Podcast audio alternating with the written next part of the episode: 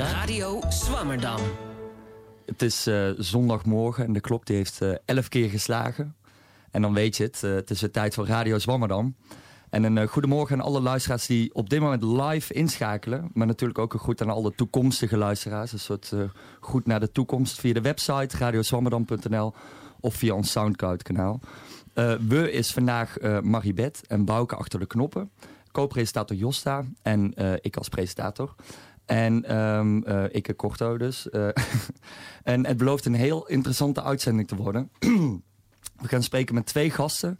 Met zeer uiteenlopende specialismen. Maar die verbonden zijn door hun fascinatie voor de ander. En hoe daartoe te verhouden. De eerste gast is Mick Matthijs. Hij kwam 40 jaar geleden vanuit België naar Nederland. En was tot voor kort universitair docent aan de Uni Universiteit van Utrecht. Een hele mond vol. Al waar hij socialisatie en cultuurtheorie doseerde. En uh, onlangs heeft hij een boek geschreven over identiteit en alle bijbehorende persoonlijke dilemma's van Nederlanders in België en vice versa. De uh, tweede gast is godsdienstpsycholoog Hanneke Schaap-Jonker. En uh, ik ging bij haar op bezoek in Zwolle. Vandaar de iets gebrekkige geluidskwaliteit. Vergeleken met de prachtige stu studio hier uh, in, van uh, Salto FM. En zij, daar vertelde zij over haar promotieonderzoek naar het godsbeeld van GGZ-patiënten. Uh, maar eerst gaan we naar Mick Matthijs. Goedemorgen. Goedemorgen. We hadden bij de microfoontest hadden we het al over ontbijt en ja. Ja. het, het zondagritueel. In hoeverre verschilt het zondagritueel van Belgen van dat van Nederlanders? Nou, het is al heel lang geleden dat ik een Belgisch uh, zondagritueel had.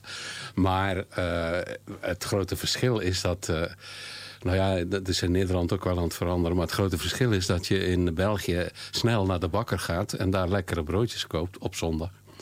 En toen ik in Nederland kwam, waren al die winkels dicht. En ik woon nu in Maasen. En daar is het net zo. Dus je moet gewoon datgene eten wat je de tevoren gekocht hebt. En dat is een ander soort ritueel. Ja.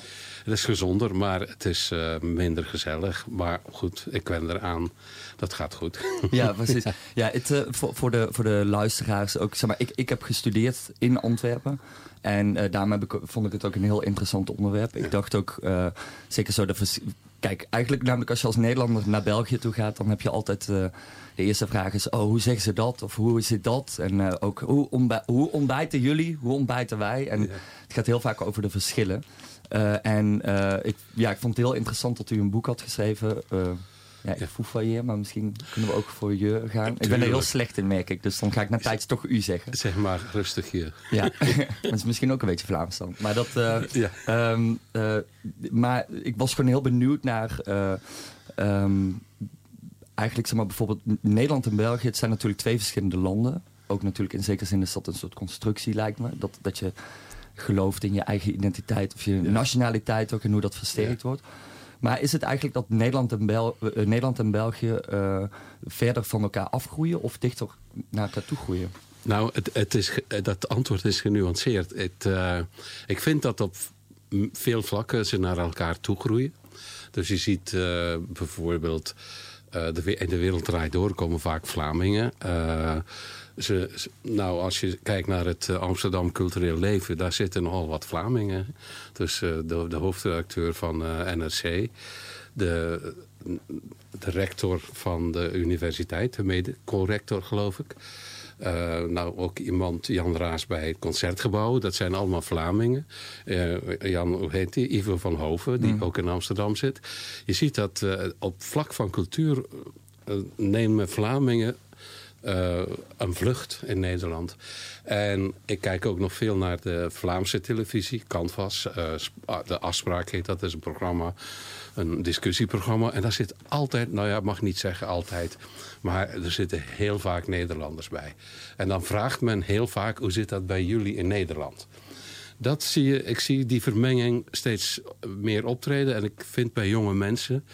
Uh, is er veel meer nieuwsgierigheid naar elkaar. Uh, men, is, men heeft dus die vooroordelen die, die al lang en die clichés die al lang uh, opgang doen, die laat men toch een beetje minder, of dat wordt minder.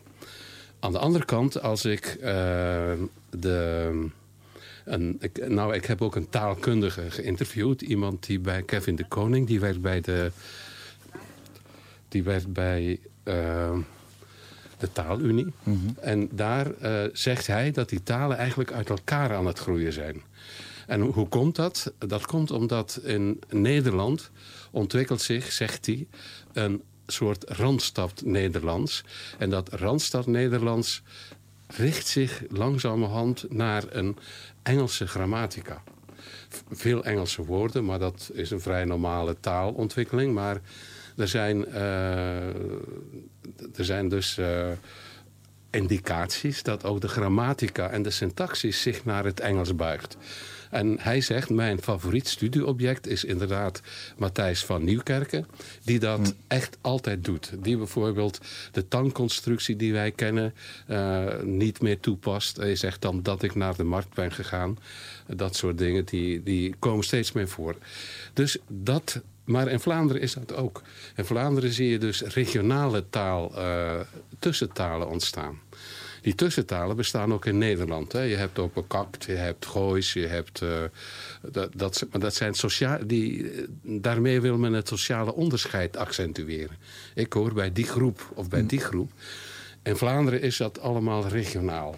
Dus uh, ik, hoor, ik kom daar vandaan. En daarmee kan je dat laten zien door een bepaald soort tussentaal te praten. Ja, want uh, voor, de, uh, voor de duidelijkheid, zeg maar, in, Be of in België is lange tijd nog veel meer dan in Nederland een soort taalpolitiek gevoerd om een soort standaardtaal, uh, standaard Nederlands ja. geaccepteerd te krijgen. Of ge ge geaccepteerd. Ja. Als je uh, bijvoorbeeld op tv wilde komen, dan moest je voldoen aan bepaalde normen. Uh, om accentloos, precies, een zwaar examen om accentloos te kunnen spreken.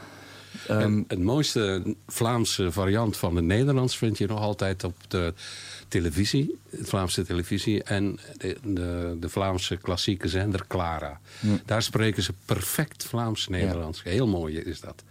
En dat, uh, dat en daar, dat verdwijnt ook. Ik heb ook in mijn boek een citaat overgenomen van William van Laken. Dat is een journalist van de VRT. En die beklaagt zich erover dat hij dus geacht wordt in een tussentaal te spreken. Terwijl hij eigenlijk nou, dat zware examen heeft doorgemaakt. En heel goed uh, ja. Nederlands spreekt. Weliswaar de Vlaamse variant. Maar, en hij beklaagt zich vreselijk. En dan zegt hij welke tussentaal moet ik nu gaan spreken. Uh, je hebt, nou noemt hij een paar van die tv, van die bekende Vlamingen. En de ene komt uit Gent en de andere komt uit Antwerpen. En de andere doet dat. Of uit Leuven bijvoorbeeld, die tv-kok.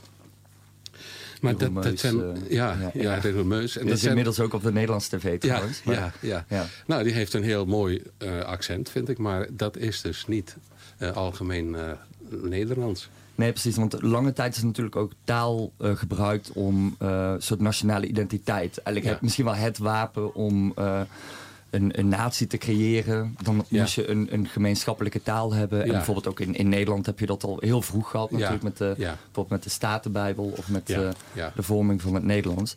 Um, maar eigenlijk zou je zeggen dat als, het, um, als de taal steeds verder uit elkaar groeien... dat ook de landen steeds in zekere zin dus ook steeds meer weer hun eigen uh, identiteit laten zien of hun eigen ja. uh, nou ja, op persoonlijke dit, kleur. Ja, op ja. dit moment is natuurlijk die identiteit een hot issue. Hè? Dus dat... Uh, dus die Vlaams, het Vlaams nationalisme, zal maar zeggen, had vroeger een, een hele specifieke functie van ontvoogding ten opzichte van de Franstalige kant. En alles, de hele elite was Franstalig.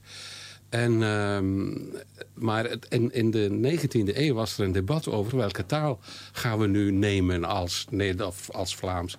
En in Antwerpen keek men naar het noorden, dus en in West-Vlaanderen zat de dichter Guido Gezelle. En die wou eigenlijk een soort West-Vlaamse variant als algemene taal. Maar Nederlands heeft het gewonnen. En dan is er, en dat heb ik ook echt zwaar meegemaakt altijd... Uh, dat ik... Uh, dat ik dan had je de ABN-kringen, heette dat, toen ik op de middelbare school zat. En daar werd echt erop uh, aangestuurd om perfect Nederlands te praten. Mm. En dat was ook gemodelleerd naar het Nederlands. Ja, echt het beschavingsideaal, toch, van taal? Ja, dat, ja. ja, dat was heel uh, dringend, dwingend ja. toen. Ja. Maar dat is nu helemaal veranderd. Dat uh, Vlamingen zijn toch zelfbewuster geworden. En dat heeft te maken met een, een soort economische opbloei. En met uh, dat men veel meer losgekomen is van die katholieke kerk. Dus dat was altijd een, uh, een die kerk had ontzettend veel macht. Tot in de jaren negentig. En dan werd het in Vlaanderen toch wel wat welvarender. En daardoor gingen ze ook wat, ja, werden ze ook zelfstandiger. En ging men ook zich afzetten tegen Nederland. Hè, als voorbeeld. Ik, ben ook, ik heb aan de Universiteit van Leuven gestudeerd. En daar was wat in Nederland gebeurde, was daar allemaal perfect. En we keken hoe ze dat daar deden. En uh, dat werd dus ook soms als voorbeeld voor het beleid gebruikt. Dat is allemaal voorbij. Dus in die zin groeien ze dus uit elkaar. Ja. Ja, want, want, je stipt het net ook al aan, bijvoorbeeld zo de, het, het, uh, de katholieke kerk. Dat die ook veel invloed heeft gehad op de vorming van uh, misschien wel ook van Vlaanderen en ook van, van België als geheel. En van de jeugd. En van de jeugd, ja, zeker. En um, uh, want dat is natuurlijk ook het, het, als je het hebt over clichés, dat bijvoorbeeld ook Nederland heel erg een soort protestantse geest heeft. En uh, in, in onder de Moerdijk uh, heerst de ja, katholieke compleet anders. ook wat, wat, je nu dus in, in, in, veel groter perspectief ziet in Europa. Ja. Dat het een soort van, er wordt de de limes uh, nervicus of zo. De, de, de, de, oude Romeinse grens. Van daarboven had je de Germaanse talen, daaronder de Romaanse. En dat zie je nu in economisch beleid. En dat zie je dus ook in waarom België en Nederland nooit uh, samen... terwijl natuurlijk de helft van Nederland ook onder de Moerdijk ligt. Maar dat terzijde. Nou ja, ik denk dat het historisch, vanuit historisch of vanuit actueel oogpunt... het eigenlijk helemaal niet zinvol is om eh, die twee landen bij elkaar te voegen. Dat, uh, die liggen cultureel zo ver uit elkaar dat je dus... Uh, ik vind bijvoorbeeld Wallonië, of de, de Franstalige en de Nederlandstalige in België... lijken veel meer op elkaar dan de Nederlanders en de Vlamingen. Dus dat, dat, ik vind ook landsgrenzen maken echt toch een cultuur, vormen een cultuur binnen die grenzen. Ja. Ik, ik, moet zeggen, ik ben geboren aan de Zeeuwse grens. In Maldegem ligt dat. En nou, daar en aan het, de Zeeuws-Vlaamse kant spraken ze net hetzelfde dialect als wij toen. Maar dat is uit elkaar gegroeid. Men keek toen op een moment veel meer naar Hilversum, naar de tv. En dat had invloed. Men voelde zich Nederlander, omdat men dus ja, die Nederlandse dingen deed. Ja. En dat, dat men, ja, mensen die niet weten, die zeggen... oh ja, maar die Zeeuws-Vlamingen lijken op de, op de Belgen. Hè? Dus uh, niks is minder waar. Ze zijn wel qua mentaliteit niet echt Nederlands. Ze zijn ook niet echt Brabants ook. Maar ze, ze voelen zich echt verbonden met Nederland. Net zoals de Limburgers. Ja. Dat zijn, zij zijn Nederlanders. Want, want is dan ook... Uh uh, net zoals bijvoorbeeld dan de loskoppeling van, van, van de katholieke kerk. Maar zou het niet misschien ook kunnen dat uh, uh, bijvoorbeeld sport zou ook best een factor kunnen zijn om een gevoelig punt hier in het hart van, van Nederland. Maar het, natuurlijk sport is, kijk, dus, want ik denk namelijk altijd zo bij, bij van, ja, het zijn twee verschillende landen, echt alsof het in in steen, uh, ge, ge, hoe zeg dat? In steen gezet is of steen gehouden is. Uh, dat, dat Nederland en België nooit dat dat nooit één land... en ook waar eigenlijk die fascinatie vandaan komt... dat Nederland en Vlaanderen, omdat ze één taal spreken... dat ze uh, één land zouden moeten worden. Snap je? Daar zit heel erg een soort van nazistaat-gedachte achter. En ook bijvoorbeeld dan met sport wordt dat natuurlijk alleen nog maar versterkt. En, en bijvoorbeeld dus met een zender uh, die vanuit het gooi in Nederland... Uh, vanuit Hilversum, gewoon de invloed daarvan... en ook dus van met z'n allen en wij tegen. snap je? Toernooien waar je als land tegen land ja, uh, strijdt en wel of niet meedoet. Uh, dat is natuurlijk dan ook een. Nou ja, ik ben. De, de, het nationalisme sloeg toch weer toe bij mij toen, nu afgelopen zomer. Precies, ja. ja maar ik kreeg gelukkig al mijn vrienden in Nederland mee. Die zaten bij ons te kijken. Want die, Iedereen deed, was voor België natuurlijk. Maar het is toch iets anders. Dus, ik kijk ook graag naar, naar Nederlands voetbal. Nou, tot voor kort eigenlijk. En. Uh, dat, uh, dat, daar kon ik mij niet zo mee verbinden. En die vraag stel ik mij ook in dit boek. Hè. Wat, wat betekent eigenlijk nationale identiteit? En ik, ben, ik zeg van mezelf dat ik eigenlijk door en door Nederlands ben. Ik heb een hele Nederlandse carrière achter de rug. Ik, uh, nou, ik heb uh, vrouwen, Nederlandse vrouwen, kinderen, kleinkinderen. Dat is allemaal Nederlands. Dus dat, dat, terwijl op bepaalde momenten voel ik toch dat mijn wortels daar liggen, in België. En, dat, en ik heb ook altijd hele mooie theorieën gedoseerd over uh, de constructie van een gelaagde identiteit. Dus dat je iedere keer weer uh, nieuwe lagen op je identiteit krijgt. Dat dat conflicten meegeeft. Dat je daar eigenlijk tevreden mee kunt zijn. Of dat je dat kan uitbouwen. Maar dan toch denk ik, hé, hey, dat Vlaamse, dat, krijg ik er, dat zit erin. Dat is gegeven, dat is met de paplepel ingegeven natuurlijk. Dus mijn, mijn opvoeding thuis en op de lagere school was echt door en door Vlaams. Ja. En dat kan je dus niet ontkennen. Als je dat ontkent, dan gaat het ook fout met jezelf. Ja, precies. Is, is dat dan... Uh, want je hebt natuurlijk nu dat, dat mensen steeds meer ja, grenzen vervagen... en uh, dat er projecten zijn om mensen uh, steeds dichter tot elkaar te brengen. Ja. Uh, is, is, dat de, is dat ijdele hoop? Nee, nee, nee. Ik bedoel, um, waar ik het nu over heb, dat zijn irrationele processen. Hè? Dus dat, dat zit in jezelf. Dan, ik, ik kan dat opkloppen en dan zeggen... ja, ik ben een Vlaming of wij zijn Nederlanders... en we zijn dat en dat en we zijn anders dan die. Ik vind, je moet daar met je ratio tegenaan gaan. Dus als je daarover nadenkt, denk je... ja, wat, wat, waarin verschil ik van de anderen? Ik weet nog, mijn moeder die kreeg op een moment een buurvrouw... en dat was een Franse. En mijn moeder kon geen letter Frans... En op een moment, nou, die vrouwen bleken elkaar te liggen. En nou, er ontstond een, dialoog. Op welke manier weet ik niet. Maar dat ging. En dat was omdat zij over, die, over dat vooroordeel heen stapte. En daar gaat het om. Dus dat, uh, dat kan je bevestigen, die vooroordelen. En ik kan ook zeggen, nou, het heeft geen zin. Maar je moet het wel weten. Want als je niet weet, kan je weer in een valkuil trappen. Ja, je dat, moet weten ja. waar je vandaan komt, dat wil ik zeggen. Precies, want, want ik, ik kan me ook nog herinneren dat je bijvoorbeeld... Uh, ooit bij literatuurgeschiedenis ging het over Heinrich van Veldeke. Die dan dus uh, in Maastricht... Uh, ja. Eigenlijk de eerste Nederlandstalige dichter. Ja. Hoewel die in, uh, in Duitsland wordt hij ook als een van de eerste Duitsstalige dichters genoemd. En ja. in Frankrijk, het is ook een beetje Fransach. Dus er heel veel elementen in. Maar hij woonde dus, hij, hij komt uit Maastricht. Zeg maar, het huidige Maastricht. En daar was dus ook dat je de... de merkte van door, je, door op, de, op een grensgebied te leven tussen ja. koninkrijken, daar worden de verschillen duidelijkst. En is ja. dat ook niet, zeg maar, misschien dat, uh, dat, dat mensen te weinig de grens opzoeken en te weinig in contact komen met... met uh... Ja, dat, dat, kijk, er is een, een, een, groep in de samenleving en die, die is heel internationaal of breed georiënteerd. Die gaan kijken, dus, er is, maar er is ook een andere groep die dat niet doet. En die dat nou. En dus ik, ik vind dat het een heel verrijkende uh, ervaring is. Toen ik naar Nederland kwam. Uh, ja, ik had veel van de ene verbazing de andere. Uh, oh, zit dat hier zo? Ik, had ook heimwee. Ik had niet gedacht dat ik heimwee zou krijgen. Terwijl ik, heb, ik woonde in, in, in België heel ver van mijn ouderlijk huis. Leuven ligt ook 130 kilometer van, uh, van waar ik woonde. En uh, toen dacht ik, ja nou, dat is een beetje hetzelfde als verhuizen van Leuven naar Antwerpen. Dat was helemaal niet het geval. Dus ik moest echt mij aanpassen en dat was toch, nou, toch hard knokken. Maar aan de andere kant...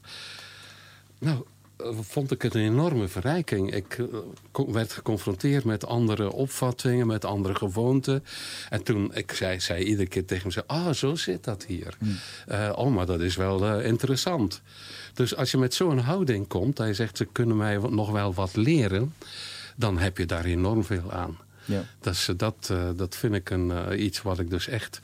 Ja, wat, wat ik zou willen accentueren. Dat ja. mensen dat vooral proberen te doen. Dus eigenlijk, uh, om, het, om het, van het gesprek samen te vatten... Ja. zouden we uh, minder sport moeten kijken. meer, uh, ja, nou, je eigen identiteit, maar in taal is natuurlijk prima. Maar ook in ieder geval meer praten en meer ja in contact komen. Misschien wel ook meer tv-programma's van uh, de buitenlandse zenders kijken. Ja. En kijken wat er speelt. En ja. de krant lezen uit, uit het buitenland. Ja, ja, dat is heel belangrijk. Ja. Ik merk, ik doe dat. Hè. Ik lees ook nog de morgen op. Ik heb daar een uh, digitaal uh, abonnement op.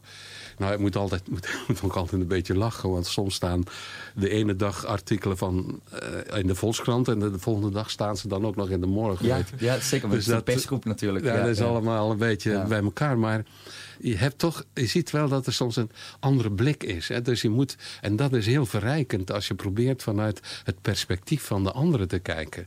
En dat is wat ik hier geleerd heb. En soms vind ik dat men in Nederland dat niet goed kan. Ja. Dat men heel graag vanuit zijn eigen perspectief kijkt en dan zegt: Oh, maar dat is niet zoals bij ons. Terwijl Vlamingen, die doen dat ook eigenlijk niet, maar die hebben dan een andere instelling. Die zeggen, oei, oei, dat is daar zo, weet je. Ja. En uh, nou, kijk, als je vanuit een zelfstandige blik en een probeert daar vanuit een ander perspectief te kijken. Van het perspectief van de anderen. Mm. Nou, dat vind ik dan heel verrijkend. Dat, uh, en dat zou ik, hopelijk wil ik dat door dat boek een beetje ja. bereiken. Ja. Ja, nou mooi. Ja, ik, eh, u noemde het net ook al, eh, of je noemde het net ook al. Kijk, daar ga ik al. Dat is al, al één kwartje in de pot. Ja. Maar uh, um, je noemde het net ook al, uh, het, de ander. De ander. En uh, ik denk dat dat... kijk, je, je, je vraagt twee mensen voor een gesprek. En er is altijd wel een overkoepelend thema te vinden. En ik denk dat dus vandaag is het de ander. En ook hoe je daartoe verhoudt. En uh, goden uh, en Belgen. is het denk ik dus vrij uiteenlopend. maar goed, wel de ander. En vandaag is ook Matthijs, die is ook als columnist. Um, want die heeft op, ter voorbereiding op onze tweede gast... die dus niet aanwezig is in de studio, maar die, we, die ik heb gesproken in Zwolle.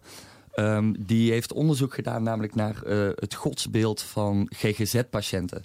En hoe, uh, je, hoe bij bepaalde um, diagnoses ook een bepaald godsbeeld bestaat en hoe je dat kunt onderzoeken. en ik ben heel benieuwd naar je column. Wil je hem nog inleiden of wil je nog, misschien nog reflecteren op het gesprek met Mick? Of... Nou ja, ik vroeg me eigenlijk één ding af waar ik wel benieuwd naar was. En dat is of u zelf op dit moment eigenlijk nog zou slagen voor dat uh, klare examen Algemeen Beschaafd Vlaams. Want zoals ik u zo hoor spreken, klinkt het eigenlijk helemaal niet... Uh... Nou, ik zou, ik zou niet slagen, denk ik. Omdat ik te Nederlands klink. Hè? Dus uh, ik heb mentaal aangepast. En ik heb dat bij iedereen gezien. Zowel Vlamingen als Nederlanders. Die, die passen hun taal aan. En dat gebeurt ongemerkt. En ik kwam als eenling naar hier. En uh, nou, ik kwam meteen in een Nederlands gezelschap terecht. En dus dat werd zo. En ik had ook, een van mijn uh, pro nou, problemen, waar ik mij aan ergerde, dat moet ik zeggen, was dat constant werd aangesproken op, en hoe zit dat bij jullie dan in België? Dat komt nog hoor. Dat gebeurt men. En dan denk ik bij jullie in België. Ik woon hier al 40 jaar, weet je. Of, maar waar ik mij ook constant aan ergerde als ze hoorden dat ik een Vlaams accent had. Dan kwamen die Belgen moppen weer, weet oh, je. En toen dacht ik. Maar, maar dan moet ik wel eventjes. Uh ter correctie, dat doen Belgen ook over Nederlanders. Ja, ja, ja, dus het is, uh, dat is niet dat wij zo uh, nou, geestig en uh, komisch uit de nou, die zijn soms veel, veel erger. Nee, zeker. zeker. Maar volgens mij hebben ze in België niks te klagen over Nederlandse taalbeheersing. Want bij dicté destijds waren het altijd Belgen die wonnen. Ja. Ja. Nou. Nee, zeker. Nou, ja, dat was geen uitspraak natuurlijk. En ook prima universiteiten. Ja. ja. Je hebt eraan gestudeerd. zeker, ja. ja. Nee, maar een beetje zelfpromotie ook bij deze. Maar um, uh, ja, ik ben heel benieuwd naar je column. Ja, gaat over het, uh, haakt aan bij het andere gast dus. Nou ja, virtuele gast. Over het godsbesef bij GGZ-patiënten. Nou, dat was wel een onderwerp waar ik iets mee kon. Lang voordat je weet of je überhaupt arbeidsgeschikt bent... word je als kind al geacht te beslissen wat je wil worden als je groot bent... Dat levert vertekende toekomstperspectieven op die later voor veel frustratie kunnen zorgen. Zo wilde ik vroeger Marga van Praag worden. In groep 5 heb ik deze droom onder grote druk laten varen. Niet lang daarna besloot ik dat ik filantroop van beroep wilde worden. Dat wil ik nog steeds, wat de frustratie alleen maar groter maakt. Bij mij op school zat een jongen genaamd Wouter die de lat nog hoger legde. Hij wilde God worden. Meestal eindig je dan als luchtverkeersleider of als schrijver, maar Wouter niet. Hij werd iets anders. Gek. In psalmen en godsdienstlessen werden wij opgeroepen om ons te identificeren met bijbelse helden zoals David, Jozef of Habakkuk. Wouter vond dit getuige van weinig ambitie. Waarom zou je streven naar een positie als woordvoerder terwijl je ook CEO kunt worden? Zo'n doorgecatechiseerd kind als hij had natuurlijk opgevangen dat God de mens naar zijn evenbeeld heeft geschapen. Dat kon toch niet voor niks zijn? Op school was het een gezellige ecumenische boel waar alles welkom was op het spectrum van Loede Palingboer tot Opus Dei. Katholieke leerlingen raden Wouter aan om maar gewoon paus te worden. Dat kwam op hetzelfde neer, maar met een stuk betere secundaire arbeidsvoorwaarden. Dat ging helaas niet, want hij was nieuw-orthodox gereformeerd bevindelijk vrijgemaakt Calvinistisch. Daarmee waren Wouters alternatieven snel uitgeput. Er zat niks anders op dan zijn oorspronkelijke plan: voor God solliciteren. Met zo'n specifiek doel leek hij zijn positie op de arbeidsmarkt al te bederven voor zijn achtste. Maar Wouter zag het zonnig in. Van alle carrière-tijgers die de basisschool heeft voortgebracht, begon hij als eerste aan de weg te timmeren. Al in de laagste klasse begreep hij dat hij niet voor zijn droombaan in aanmerking zou komen zonder track record van mythische proporties. De basis voor zijn cv legde hij met een oud-testamentische mentaliteit. Hij was manipulatief, veel eisend en kon bij de geringste twijfel aan zijn autoriteit ontsteken in woede. Periodes van creativiteit wisselde hij af met controledwang. Hij opereerde vooral achter de schermen en intimideerde klasgenoten net zo lang tot hij zijn mededelingen over het schoolplein verspreidde. Toen iemand twijfelde aan zijn gezag, stak hij een struik voor het gymlokaal in brand. Van schrijven moest hij niets weten, dat was meer een profetenklusje. Er was ook geen tafel die hem interesseerde, of hij moest van steen zijn. Handvaardigheid vond hij dan wel weer relevant. Vooral op zoutpilaren kon hij zich helemaal, uit, helemaal, helemaal uitleven. Op een dag liet hij een meisje weten dat hij haar prikkeldraad zou geven als ze niet haar lievelingspop in stukken zou hakken. Huilend van angst bond het kind haar babyborn op een hakplank. Juist toen ze de mespunt op het plastic halsje zette, riep Wouter... Haha, grapje, ik wilde je alleen maar even testen. In groep 8 was iedereen bang voor Wouter, ook al spijbelde hij bijna altijd. Hij was dus gevreesd en onzichtbaar, waarmee hij al in de buurt van zijn einddoel kwam. Mensen hoefden alleen nog in hem te geloven. In zekere zin deden ze dat al, maar dan met name in zijn woede- en waanstoornissen. Toen zijn middelbare schooltijd aanbrak, werd Wouter daarom op speciaal onderwijs gezet. Voor hem was het een opluchting dat anderen eindelijk erkenden dat hij speciaal was. Misschien is dit de reden waarom de tyrannieke driftkikker na de basisschool begon te ontspannen. Je zou kunnen zeggen dat hij een boek dichtsloeg. Het Oude Testament om precies te zijn. In plaats daarvan kwam het Nieuwe Testament, met een nieuwe God en een nieuwe Wouter. Ik heb in die jaren niet veel van hem vernomen, maar hoorde later dat hij direct was doorgestroomd naar een kliniek. Geen antipsychoticum bleek opgewassen tegen Wouters roeping. In de instelling bleef hij werken aan zijn loopbaan. Het schijnt dat hij ooit een dode pad zag liggen en het beest toesprak, waarna het zich spontaan weer bij het Rijk der Levenden voegde. Drie schizofrene medepatiënten bevestigden dat ze de amfibie even later in blakende gezondheid door een kamer zagen springen.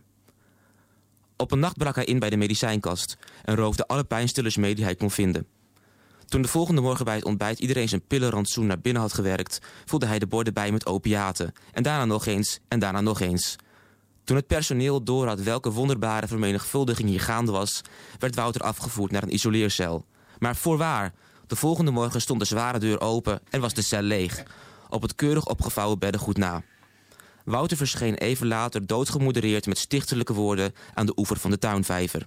Zijn collega gekken schaarde zich vol ontzag om hem heen.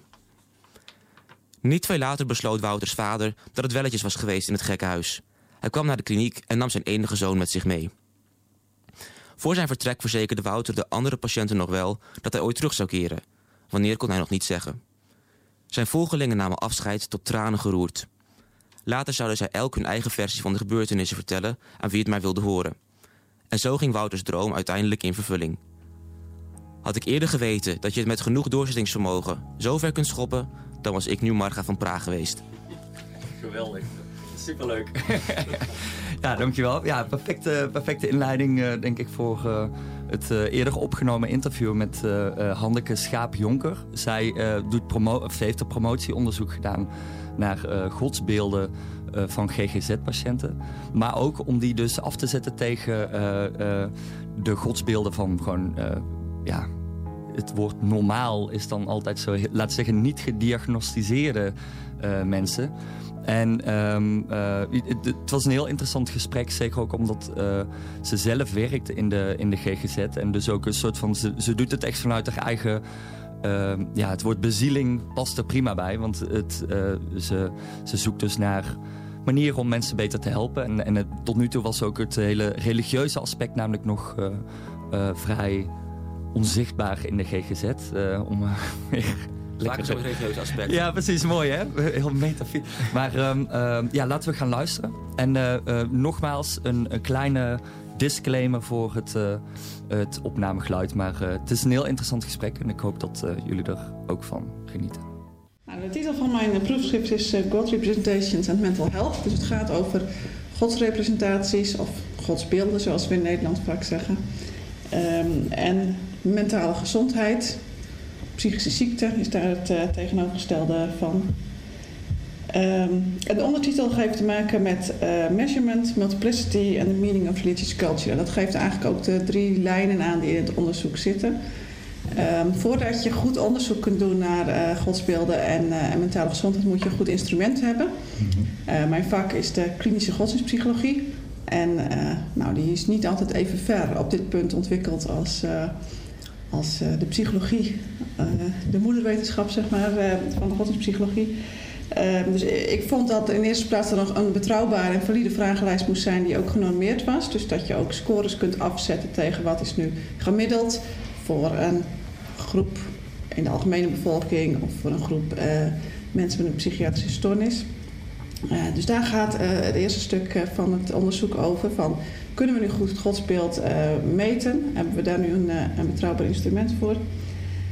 Een ander deel, dat is eigenlijk de hoofdvraag geweest: van, nou, verschilt het godsbeeld van mensen met een psychische stoornis nou in kwantitatieve en in kwalitatieve zin van dat van mensen zonder psychiatrische diagnose? En ik kwam met kwantitatief bedoel ik dan een beetje meer of een beetje minder. Dus, dus je kunt je voorstellen, wat we ook al wel uit eerder onderzoek wisten, van nou, mensen met psychiatrische stoornis zijn wat angstiger in relatie tot God, of die ervaren wat minder steun gemiddeld genomen dan mensen zonder psychopathologie. Um, maar in kwalitatieve zin gaat het er ook om van is het godsbeeld nou wezenlijk anders? Zit het nou anders in elkaar? Heeft het een andere betekenis? Dus uh, niet het onsje meer of onsje minder verhaal, mhm. maar echt van hoe verhouden nou die verschillende aspecten van het godsbeeld zich tot elkaar. Vandaar ook het woord multiplicity in de titel.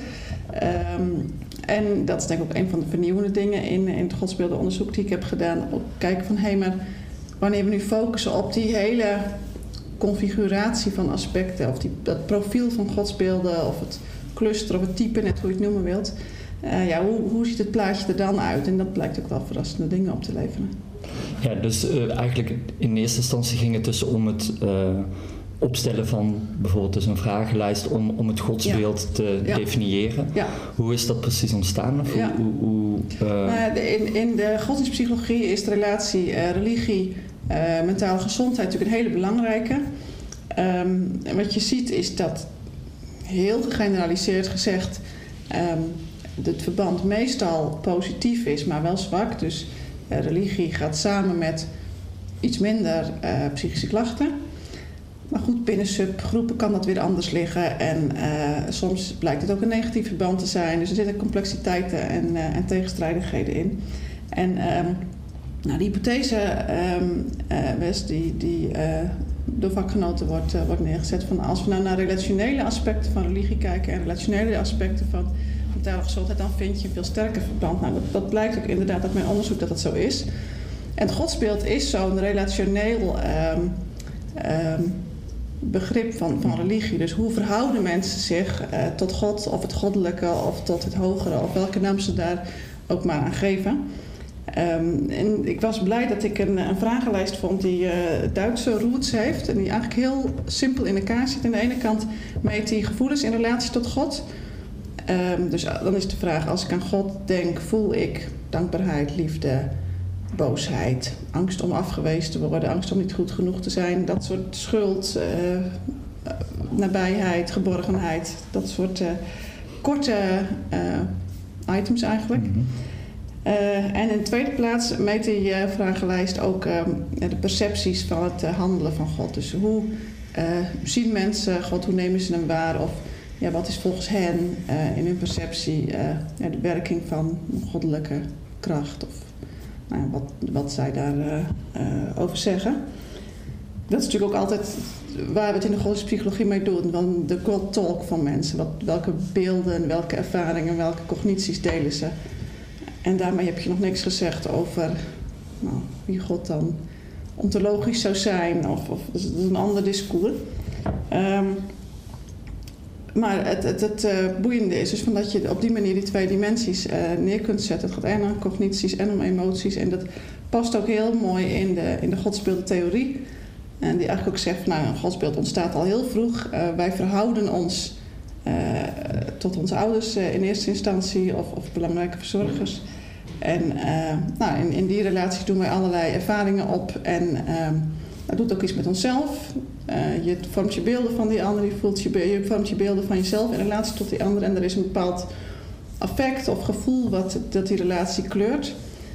Um, En dat bepaalt ook hoe je in het, in het leven staat. Ehm, of je heel open of vertrouwend bent, of juist nou, meer teruggetrokken.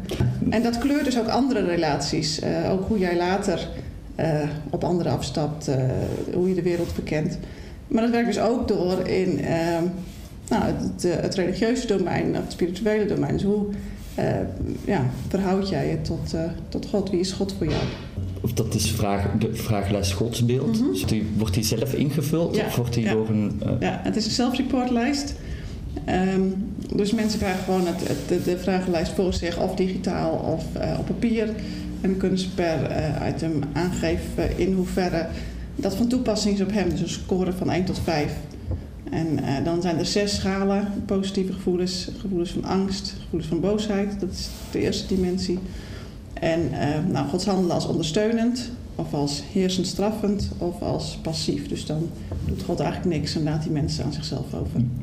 En um, uh, wat zijn eigenlijk de meest interessante bevindingen die er zijn gedaan in het onderzoek? Ik zie dat ook een bepaald ziektebeeld, mm -hmm. een bepaald godsbeeld, tot koppeling aan wordt gemaakt. Dus bijvoorbeeld uh, uh, gesproken over uh, in het autisme spectrum, dat dat kwaadaardigere God. Ja. Ja. Ja, de studie over autisme en, uh, en godsbeeld, dat is inderdaad uh, een van de deelstudies waar ik vooral naar het kwantitatieve verschil heb gekeken. Um, dat was ook heel erg um, boeiend om te doen, want autisme is natuurlijk een, een stoornis waarbij je juist in de sociale interactie en in de communicatie uh, beperkingen uh, ervaart. Um, dus zeg maar op dat relationele stuk, daar zit ook de problematiek. Um, en het was eigenlijk nog nooit eerder gedaan. Uh, dus, dus er was wel van alles nog wat geschreven over geloof en autisme, maar mensen zelf bevragen. Wel een klein, klein studietje onder, onder jongeren, maar volwassenen met autisme hadden in die zin nog nooit zelf iets meegedeeld of gerapporteerd over hun, hun geloofsbeleving.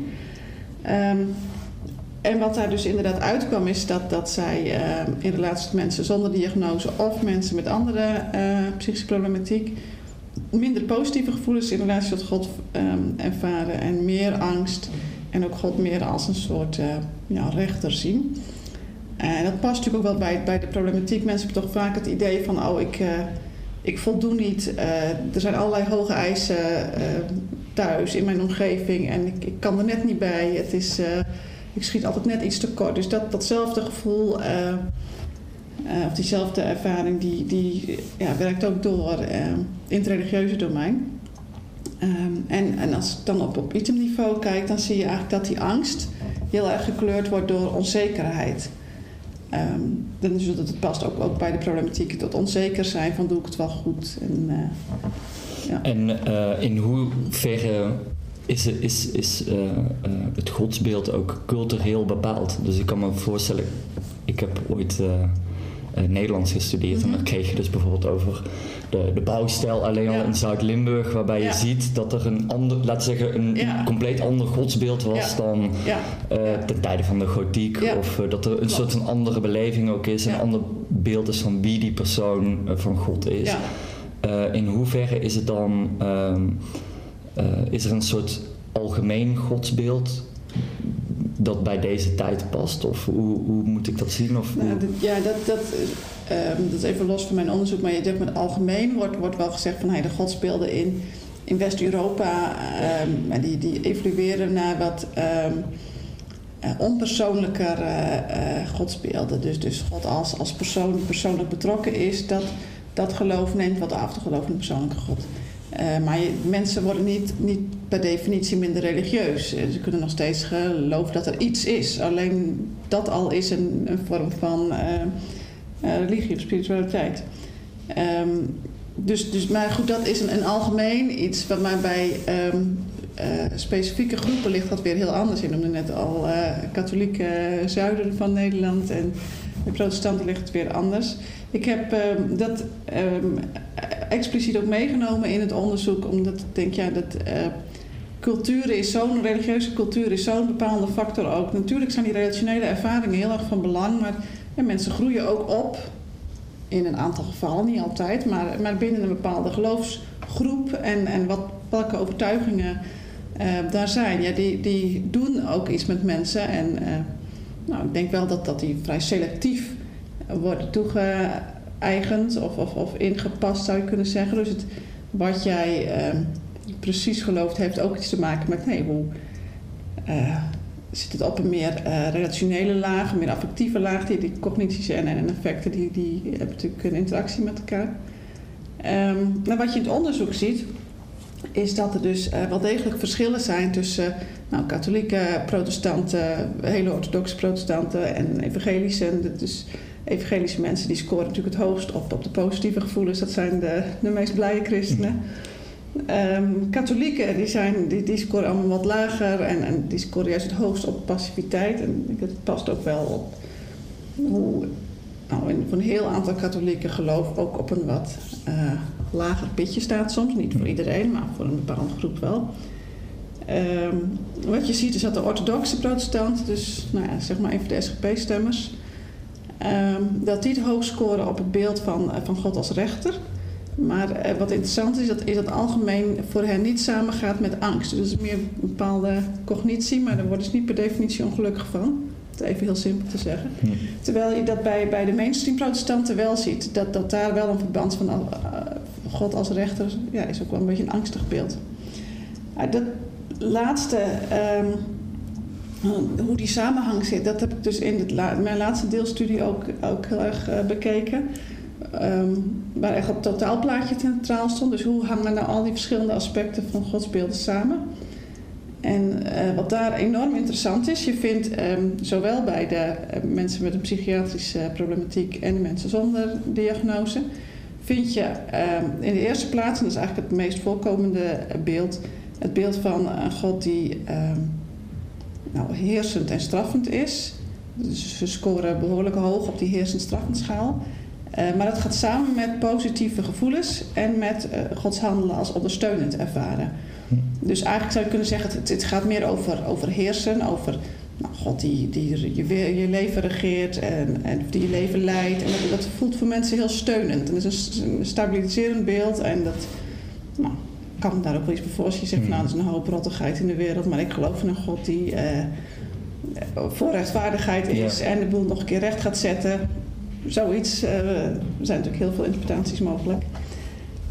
Um, uh, dat kwam dus in beide groepen voor. Wat je ook in beide groepen zag, maar maar een heel klein deel, is een beetje een passief uh, beeld van God met weinig emoties. Dat waren ook vaak de mensen voor wie geloof een beetje op een laag pitje stond. Dus de betrokkenheid was, was lager. Dus dan zie je een, een relatief hoge score op passiviteit. En zijn eigenlijk die gevoelsschalen allemaal aan de lage kant gescoord. Maar wat dan heel frappant is, is dat je alleen in de psychiatrische groep um, nog een, een, een, cluster vindt, of nog een type. Uh, en dat is een, uh, een beeld waarin net zo'n hoge score op het heersend straffende is als bij dat positieve, uh, ja, dat noem ik een autoritatief, dus dat is wel mhm. een positief autoritatief beeld. Dus die mensen scoren daar even hoog op, maar dan bij, in dat laatste geval, dus bij dat negatieve beeld, gaat dat samen met heel veel angst en heel veel boosheid. Dus dan krijg je eigenlijk, een, nou ja, wat jij net zei, een beetje een kwaadaardig of een ja. vaak zuchtig godsbeeld haast. Dat, dat, dat, doet mensen heel veel in hun emoties. En dat, dat uh, ja, is blijkbaar iets bedreigends. En denk, dan zie je dus ook gelijk al de meerwaarde om, om dat als uh, totaal te gebruiken, om die, naar die clusters te kijken. Uh, want op, op het ene schaaltje zie je geen verschil. Dan scoren ze even hoog op. Maar juist door die context uh, wordt het eigenlijk een heel ander godsbeeld. En uh, nou, in de laatste studie hebben we dan gekeken in hoeverre hangt het nou samen met de pathologie.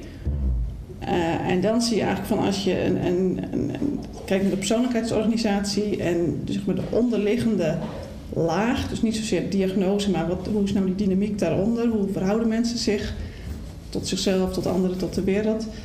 Dan zie je dat juist bij de mensen waar, waar de, eigenlijk structurele uh, pathologie is, dus, dus de personen die er ernst, ernstigst aan toe zijn, um, die hebben ook dat meest negatieve godsbeeld. Terwijl ze maar de relatief hmm. sterkere patiënten, ja, die, die hebben eerder toch dat, dat positievere uh, godsbeeld. Dus in die zin um, is het beeld ook wel weer uh, complex. En ik, aan de ene kant zie je dus dat bij patiënten het godsbeeld wezenlijk anders is dan bij, bij niet-patiënten. Die, die, die negativiteit kom je eigenlijk niet zo tegen dus in de, in de groep zonder diagnose. Tegelijkertijd is het niet zo dat alle patiënten ook weer, nou eventjes een, een waarderende Hmm. term, zo'n beroerd godsbeeld hebben. Eh, eigenlijk heeft de helft ook, ook best wel een, een steunend eh, beeld van God. Dus in, die zin zie je ook weer wat natuurlijk ook wel al lang weten van ja, religie kan een steunende ehm, rol spelen en, en ja, in die zin ook, ook bijdragen aan mentale gezondheid. Dus dan weer een beetje een causale interpretatie. Het komt natuurlijk niet uit, het, eh, uit dit onderzoek. Eh, maar die verbanden zie je wel, die, die steunende lijn. En tegelijkertijd, het kan ook eh, andersom werken. Dat het juist nou, bedreigend is. een beetje een eh bouwde opmerking. dat misschien bij bepaalde, bepaalde diagnoses eh, ook meer een bepaalde stroming zou passen. Dus wat u net zei, dat bijvoorbeeld eh, iemand die meer, meer behoefte heeft aan een passiever godsbeeld, iemand die eh, autistisch heeft, eh, en dan dus, wat u zei, in een soort streng protestants eh, keurslijf zit, waardoor Ja. dat alleen maar erger wordt. Stel dat die zo nu en dan naar een mis zou gaan in een katholieke kerk. Ja, ja. Of dat, Ik vind het wel grappig dat je het voorbeeld noemt, want eh, je ziet het, het illustreert heel mooi van bepaalde eh, type geloofsbeleving passen eigenlijk beter bij een bepaald persoon of bij een bepaalde persoon met problematiek eh, dan andere. Eh, ehm, een katholieke ehm, geloofsbeleving is eigenlijk best wel prettig voor mensen met een autisme spectrumstoornis. Ik sprak een keer iemand die zei: dan ga ik naar het klooster. En ik, ik woon de Eucharistieviering bij en dan is het klaar. Dan ga ik gelijk weer naar mijn cel. Ik, ik praat met niemand, ik ga handjes geven, doe ik allemaal niet aan. Ik zit daar weer lekker in mijn eigen celletje te studeren. En eh, ja, sociaal doen wordt niet van mij verwacht in deze context. Dus het is ideaal. Ehm, bij evangelische is het eigenlijk veel lastiger. Daar is toch vaak een hoop eh, ja, nou, sociaal. toeters, toeters ja. bellen, sociaal, maar ook geluid. Ik bedoel, een band en een licht. En, en, en als je dan heel prikkelgevoelig bent, dan is dat heel heftig. Dan eh, kun je er wel gesloopt uitkomen als je er zoiets mee Ja, ja, ja.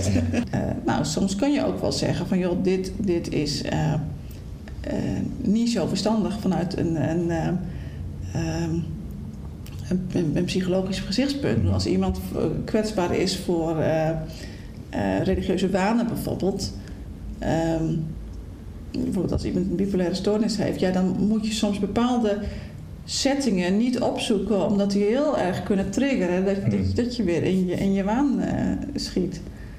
Dus dan is het niet zo handig Ja. om naar, naar een, eh, weet ik veel, een eh, meditatieweekend te gaan of wat dan Ja. ook. Dus, dus in die zin ehm, zitten daar ook wel bepaalde aspecten in. Dat je denkt van ja, dit, dit is gewoon nu niet zo handig. Maar dat is anders dan als je zegt van nou dan doe dan die setting niet. Of dat je zegt van stop maar helemaal met religie. Ja. Dat laatste dat zal niet zo heel snel meer gezegd worden. denk ik. Nee, dat, dat geloof ik. ook.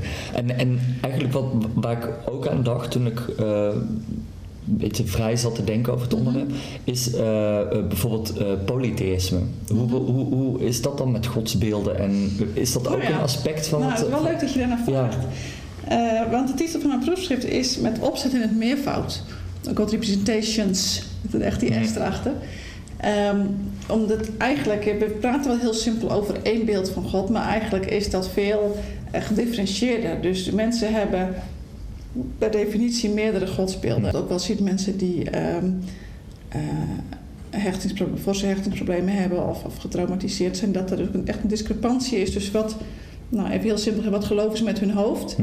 en hoe voelt het eigenlijk? Dus je kunt wel geloven, nou, God is er voor mij en ik kan bij hem terecht, maar ik, het kan ook eigenlijk voelen van ja, ik voel me eigenlijk heel erg in de steek gelaten. En nou ja, dat, dat, Hm. dat botst dan.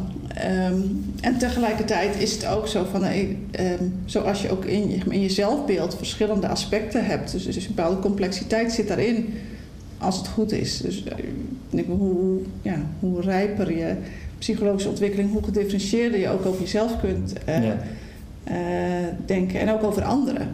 En hoe smaller dat wordt, hoe ingewikkelder ook.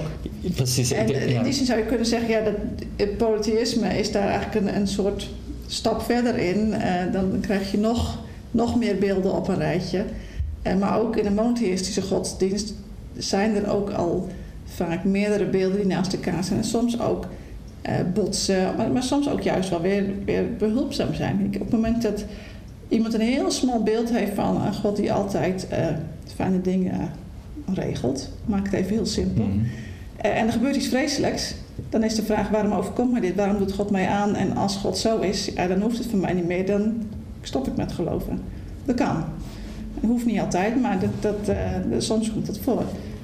Terwijl op het moment dat je een, een complexer, psychologisch complexer en een gedifferentieerder eh, beeld van God, dus eigenlijk meerdere godsbeelden naast elkaar die zich ook tot elkaar verhouden, waar soms een, de een wat dominanter is dan de ander, of eh, er uh, nou ja, bepaalde situaties, bepaalde beelden van God meer latent blijven, maar wat, wat veel dynamischer geheel, wat ook in de loop van het leven en in de context van um, nou, verschillende um, situaties van mensen doorheen gaan. Uh, kan wijzigen, zeg maar, dan, dan krijg je een ander verhaal. Want de, uh, de, degene die de vragenlijst hebben ingevuld, mm -hmm. uh, typeerden die, zichzelf als religieus? Of zijn dat mensen die. Ja, ja. Boeddhisme, islam, heel veel christenen en, en mensen die ook, ook, ja, ik weet het niet, iets anders spiritueel, agnostisch op een andere manier. maar de meerderheid was in mijn samples wel christen. Dus over het algemeen heb ik uh, uh, protestanten in mijn steekproef zitten die uh, behoorlijk religieus betrokken zijn. Dat is ook wel een beperking van het onderzoek en ook weer een goede reden om dingen weer te herhalen. En ja. ik zou ook heel graag dit onderzoek, of in ieder geval een deel daarvan, binnen een, een moslimgemeenschap ja. uitvoeren. Ik denk dat is natuurlijk ook een groep die nou, nadrukkelijk uh, in het religieuze landschap in Nederland vertegenwoordigd is. Uh, ook in de GGZ komt en uh, nou, ook, ook daar nou, is het belangrijk dat je aan kunt sluiten van hey, hoe werkt dat nou mee en hoe speelt dat mee en, en wat, wat, wat vraagt aandacht in deze behandeling als het om die religieuze thema's gaat. Doet u dan ook aanbevelingen voor de GGZ om, om hier dan ook behandelingen op aan te passen? Mm -hmm. Um, ja, ik heb ook het geluk dat ik uh, rector van het Kennisinstituut Christelijke GGZ ben. Dus, al, ja. uh, ik werk voor twee uh, christelijke GGZ-instellingen, Elios en de Hoop GGZ. En daar zit natuurlijk ook een thema. Dus, dus hoe, hoe ehm, verhouden geloof en, en psychische klachten zich tot elkaar. Denk, maar goed, dat, die aanbevelingen die bij jij om vraagt, die gelden denk ik niet alleen voor die groep, maar Hmm. voor, voor de hele GGZ. Dus je ziet eigenlijk in de eerste, wat dan een nieuwe GGZ genoemd wordt, veel meer aandacht voor zingeving, voor persoonlijk herstel, voor existentiële thema's die bij mensen spelen. Uh, maar een van de aanbevelingen is denk van heb het erover. Het is natuurlijk heel simpel, Hmm. maar het moet wel gebeuren. Um, en ik zeker als je dus die uh, negatieve, uh, angstige, bedreigende uh, religiositeit hebt. Want ja, als je dat niet bespreekt, dan zit het een beetje onder tafel te zieken. Dan, dan is het Ja. de olifant in de kamer die niet benoemd wordt, maar die wel degelijk uh, belemmerend is uh, en, en niet bijdraagt aan herstel. Ik denk als je heel angstig in het leven staat, ja, dan, uh, omdat je denkt van ja, God gaat mij straffen en mag ik deze stap wel nemen? Of, nou ja, er zijn natuurlijk allerlei varianten denkbaar. Um, maar dan is de eerste stap wel van ja, mag dat besproken worden? En um, kun je daar ruimte aan geven? Ja, we gaan nog heel even een beetje napraten uh, uh, over uh, de ander. Um, het, het grappige was dat we toen, toen net waren aan het terugluisteren en toen was de co-presentator Josta, die, je kunt het trouwens de vraag ook gewoon zelf stellen. Het ging Ja, over generaliseren. Ja. Ja, ik vroeg me tijdens het gesprek, het eerste gesprek al heel erg af. Dat er wordt over, nu ook, over de christenen. En er zijn heel veel kerkelijke gemeenschappen. En net ook over het gesprek over de Belg of de Vlaming en de Nederlander. Hoe, hoe, moeilijk is dat om uitspraak te doen over zo, zulke grote groepen? Nou, ik, ik heb altijd vermeden om zo om generaliserende uitspraken te doen. Ik heb altijd, ook in de inleiding van mijn boek zeg ik... Uh, ik, ik, wil niet uh, weten wat de Belg denkt of wat de Nederlander denkt.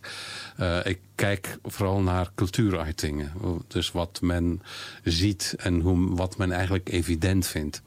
Nou, je hebt, ik kan dat op verschillende manieren benaderen. Hè. Ik kan zeggen, ik wil een, uh, een algemeen oordeel vellen over die verschillen. Er is in, uh, in de jaren zestig, geloof ik, heeft Geert Hofstede, dat is een bekend onderzoek, die heeft een heel breed onderzoek gedaan bij de IBM-medewerkers over de hele wereld, om de cultuurverschillen tussen die verschillende landen in kaart te brengen. En de conclusie was dat geen van uh, de landen zodanig van elkaar verschilden als België en Nederland. En dat was op, op vijf dimensies had hij dat uh, berekend. Het was allemaal heel statistisch goed uitgebouwd. En uh, bijvoorbeeld man-vrouw verhoudingen. Dat was in België... Uh, nou, hij kwam tot de conclusie dat, België significant... een meer masculine samenleving was dan Nederland. Dus de waarde masculien-feminien. Dus niet zodanig emancipatie van vrouw, maar dit. Dat, het tweede punt was dat Belgen uh, meer risico vermijdend waren dan Nederlanders. Dat een derde punt was dat ze meer autoriteitsgevoelig waren. Een vierde punt, uh, nou er waren, was vier, het waren vijf punten. Even, ja, hiërarchisch. Dat vat ik dat al. Ja, hiërarchisch hebben meer gevoel voor hiërarchie. En er was nog iets. En op al die verschillende terreinen verschilden, waren verschillen significant. Nou, ik je ziet dat ook. Er zijn al meerdere boeken geschreven over uh, verschillen tussen Vlamingen en Nederlanders. En dat komt steeds terug, dat, dat rijtje. En ik, was, ik ergerde mij daaraan. Ja, ja. Omdat de Belgen er altijd slechter uitkomen. Dan, dus dat nationalisme zit er nog in. Hè? Dus uh, wat ging ik doen? Ik dacht van nou, ik wil wel weten. Uh, ik, ga, ik ging, ging, dan kijken hoe hij dat gedaan had. Nou ja, het was om te beginnen IBM-medewerkers. Dus allemaal goed opgeleide mensen. Dat is al een beperking die daaraan optreedt, een, een versmalling. Uh, het is al in de jaren zestig gedaan. De vraag is, is er ondertussen niks veranderd? En wat er niet gedaan is, dat is allemaal met vragenlijsten gebeurd. En dat is toch een beperking van de vragenlijsten. Je kan niet kijken wat die mensen dan eigenlijk denken. Hè? Dus ik weet, maar dat is vanuit ervaring... en daarom was ik daar ook heel nieuwsgierig naar... dat Belgen, die zeggen wel ja tegen het gezag... maar gaan ondertussen hun eigen gang.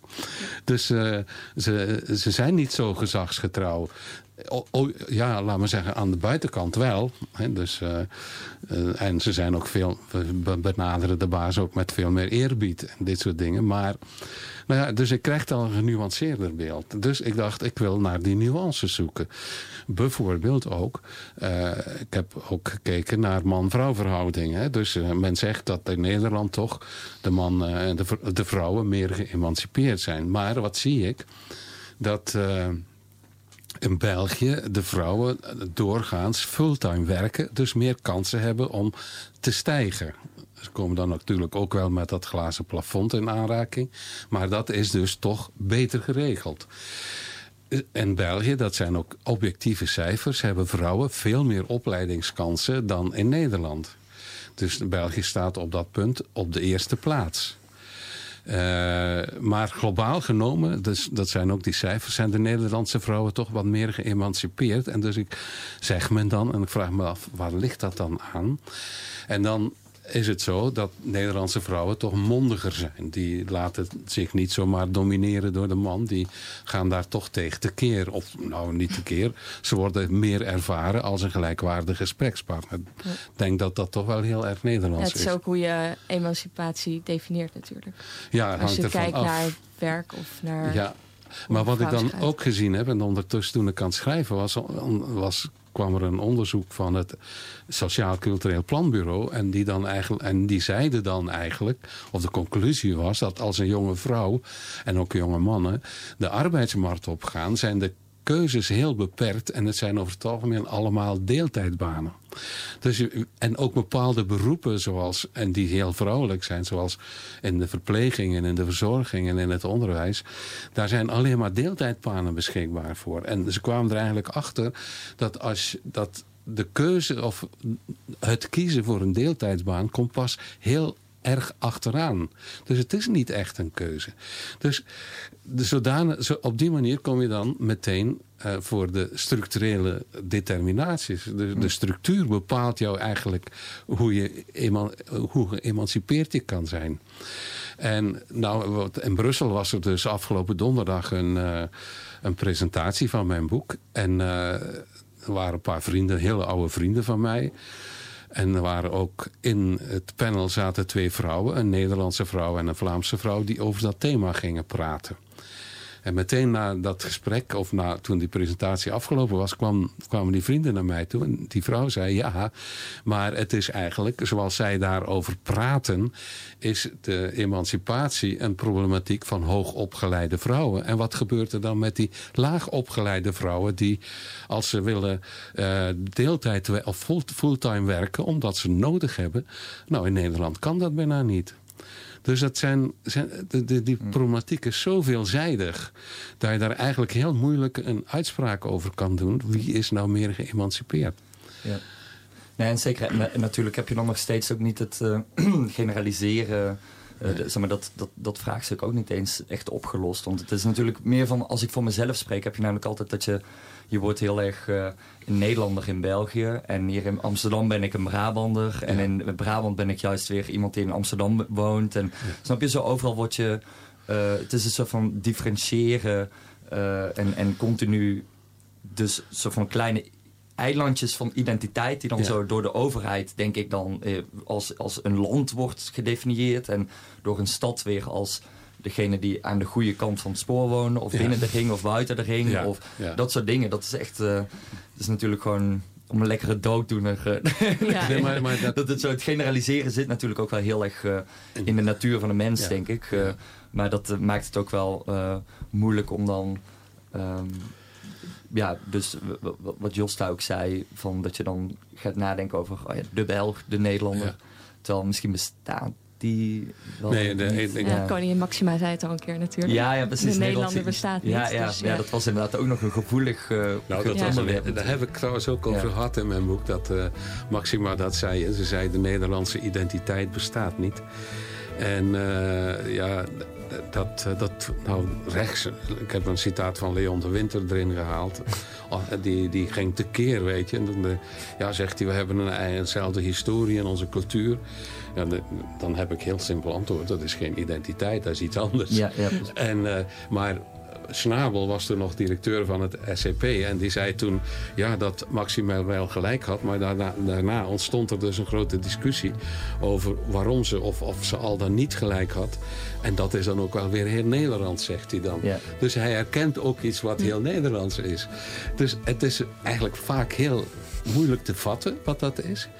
Maar het, het, ja, het komt voor, het komt in de taal voor, dus men hm. doet het gewoon. Ja, precies. Want, zeg maar, we moeten af, afronden, helaas. Uh, maar um, het, het boek uh, Waarom Belgen gelijk hebben en Nederlanders gelijk krijgen. Ja. En het laatste woord hebben dus bij deze. nee, u mag nog, uh, u mag nog na, de, na de uitzending nog verder. Nee, maar het, um, ja, heel erg bedankt dat u, of ja. dat je, kijk, daar ga ik al, het is al het tweede kwart. bedankt dat, dat je er was. En Um, u geeft, of, uh, je geeft ook nog een lezing? Uh, nou, nee, volgende week dinsdag ja. uh, doen we in de Brakke Grond. Is in de Brakke Grond de presentatie, de Nederlandse presentatie. Okay, dus ja. in Brussel, in de buren, dat was een Vlaams-Nederlands Vlaams mm -hmm. cultuurcentrum. En nu in de Brakke Grond, vrijdag, dinsdag om 8 uur beginnen we. En dan gaan we een beetje hetzelfde doen als wat we daar doen. Heel erg leuk. Dus uh, daar kunnen de luisteraars ook nog naartoe. Ja. Heel erg bedankt Matthijs, Josta en natuurlijk Bouke en uh, Maribeth achter de knoppen. En uh, ja, je kunt de uitzending terugluisteren op radioswammerdam.nl. via iTunes, Soundcloud of waar je het ook maar mee terug wil luisteren. Vergeet ons niet te liken op Facebook en te volgen op Twitter. te, weet ik veel wat je doet op Instagram. En als je wilt reageren, dan kun je een mailtje sturen naar redactie.radioswammerdam.nl. Een hele fijne zondagmiddag nog.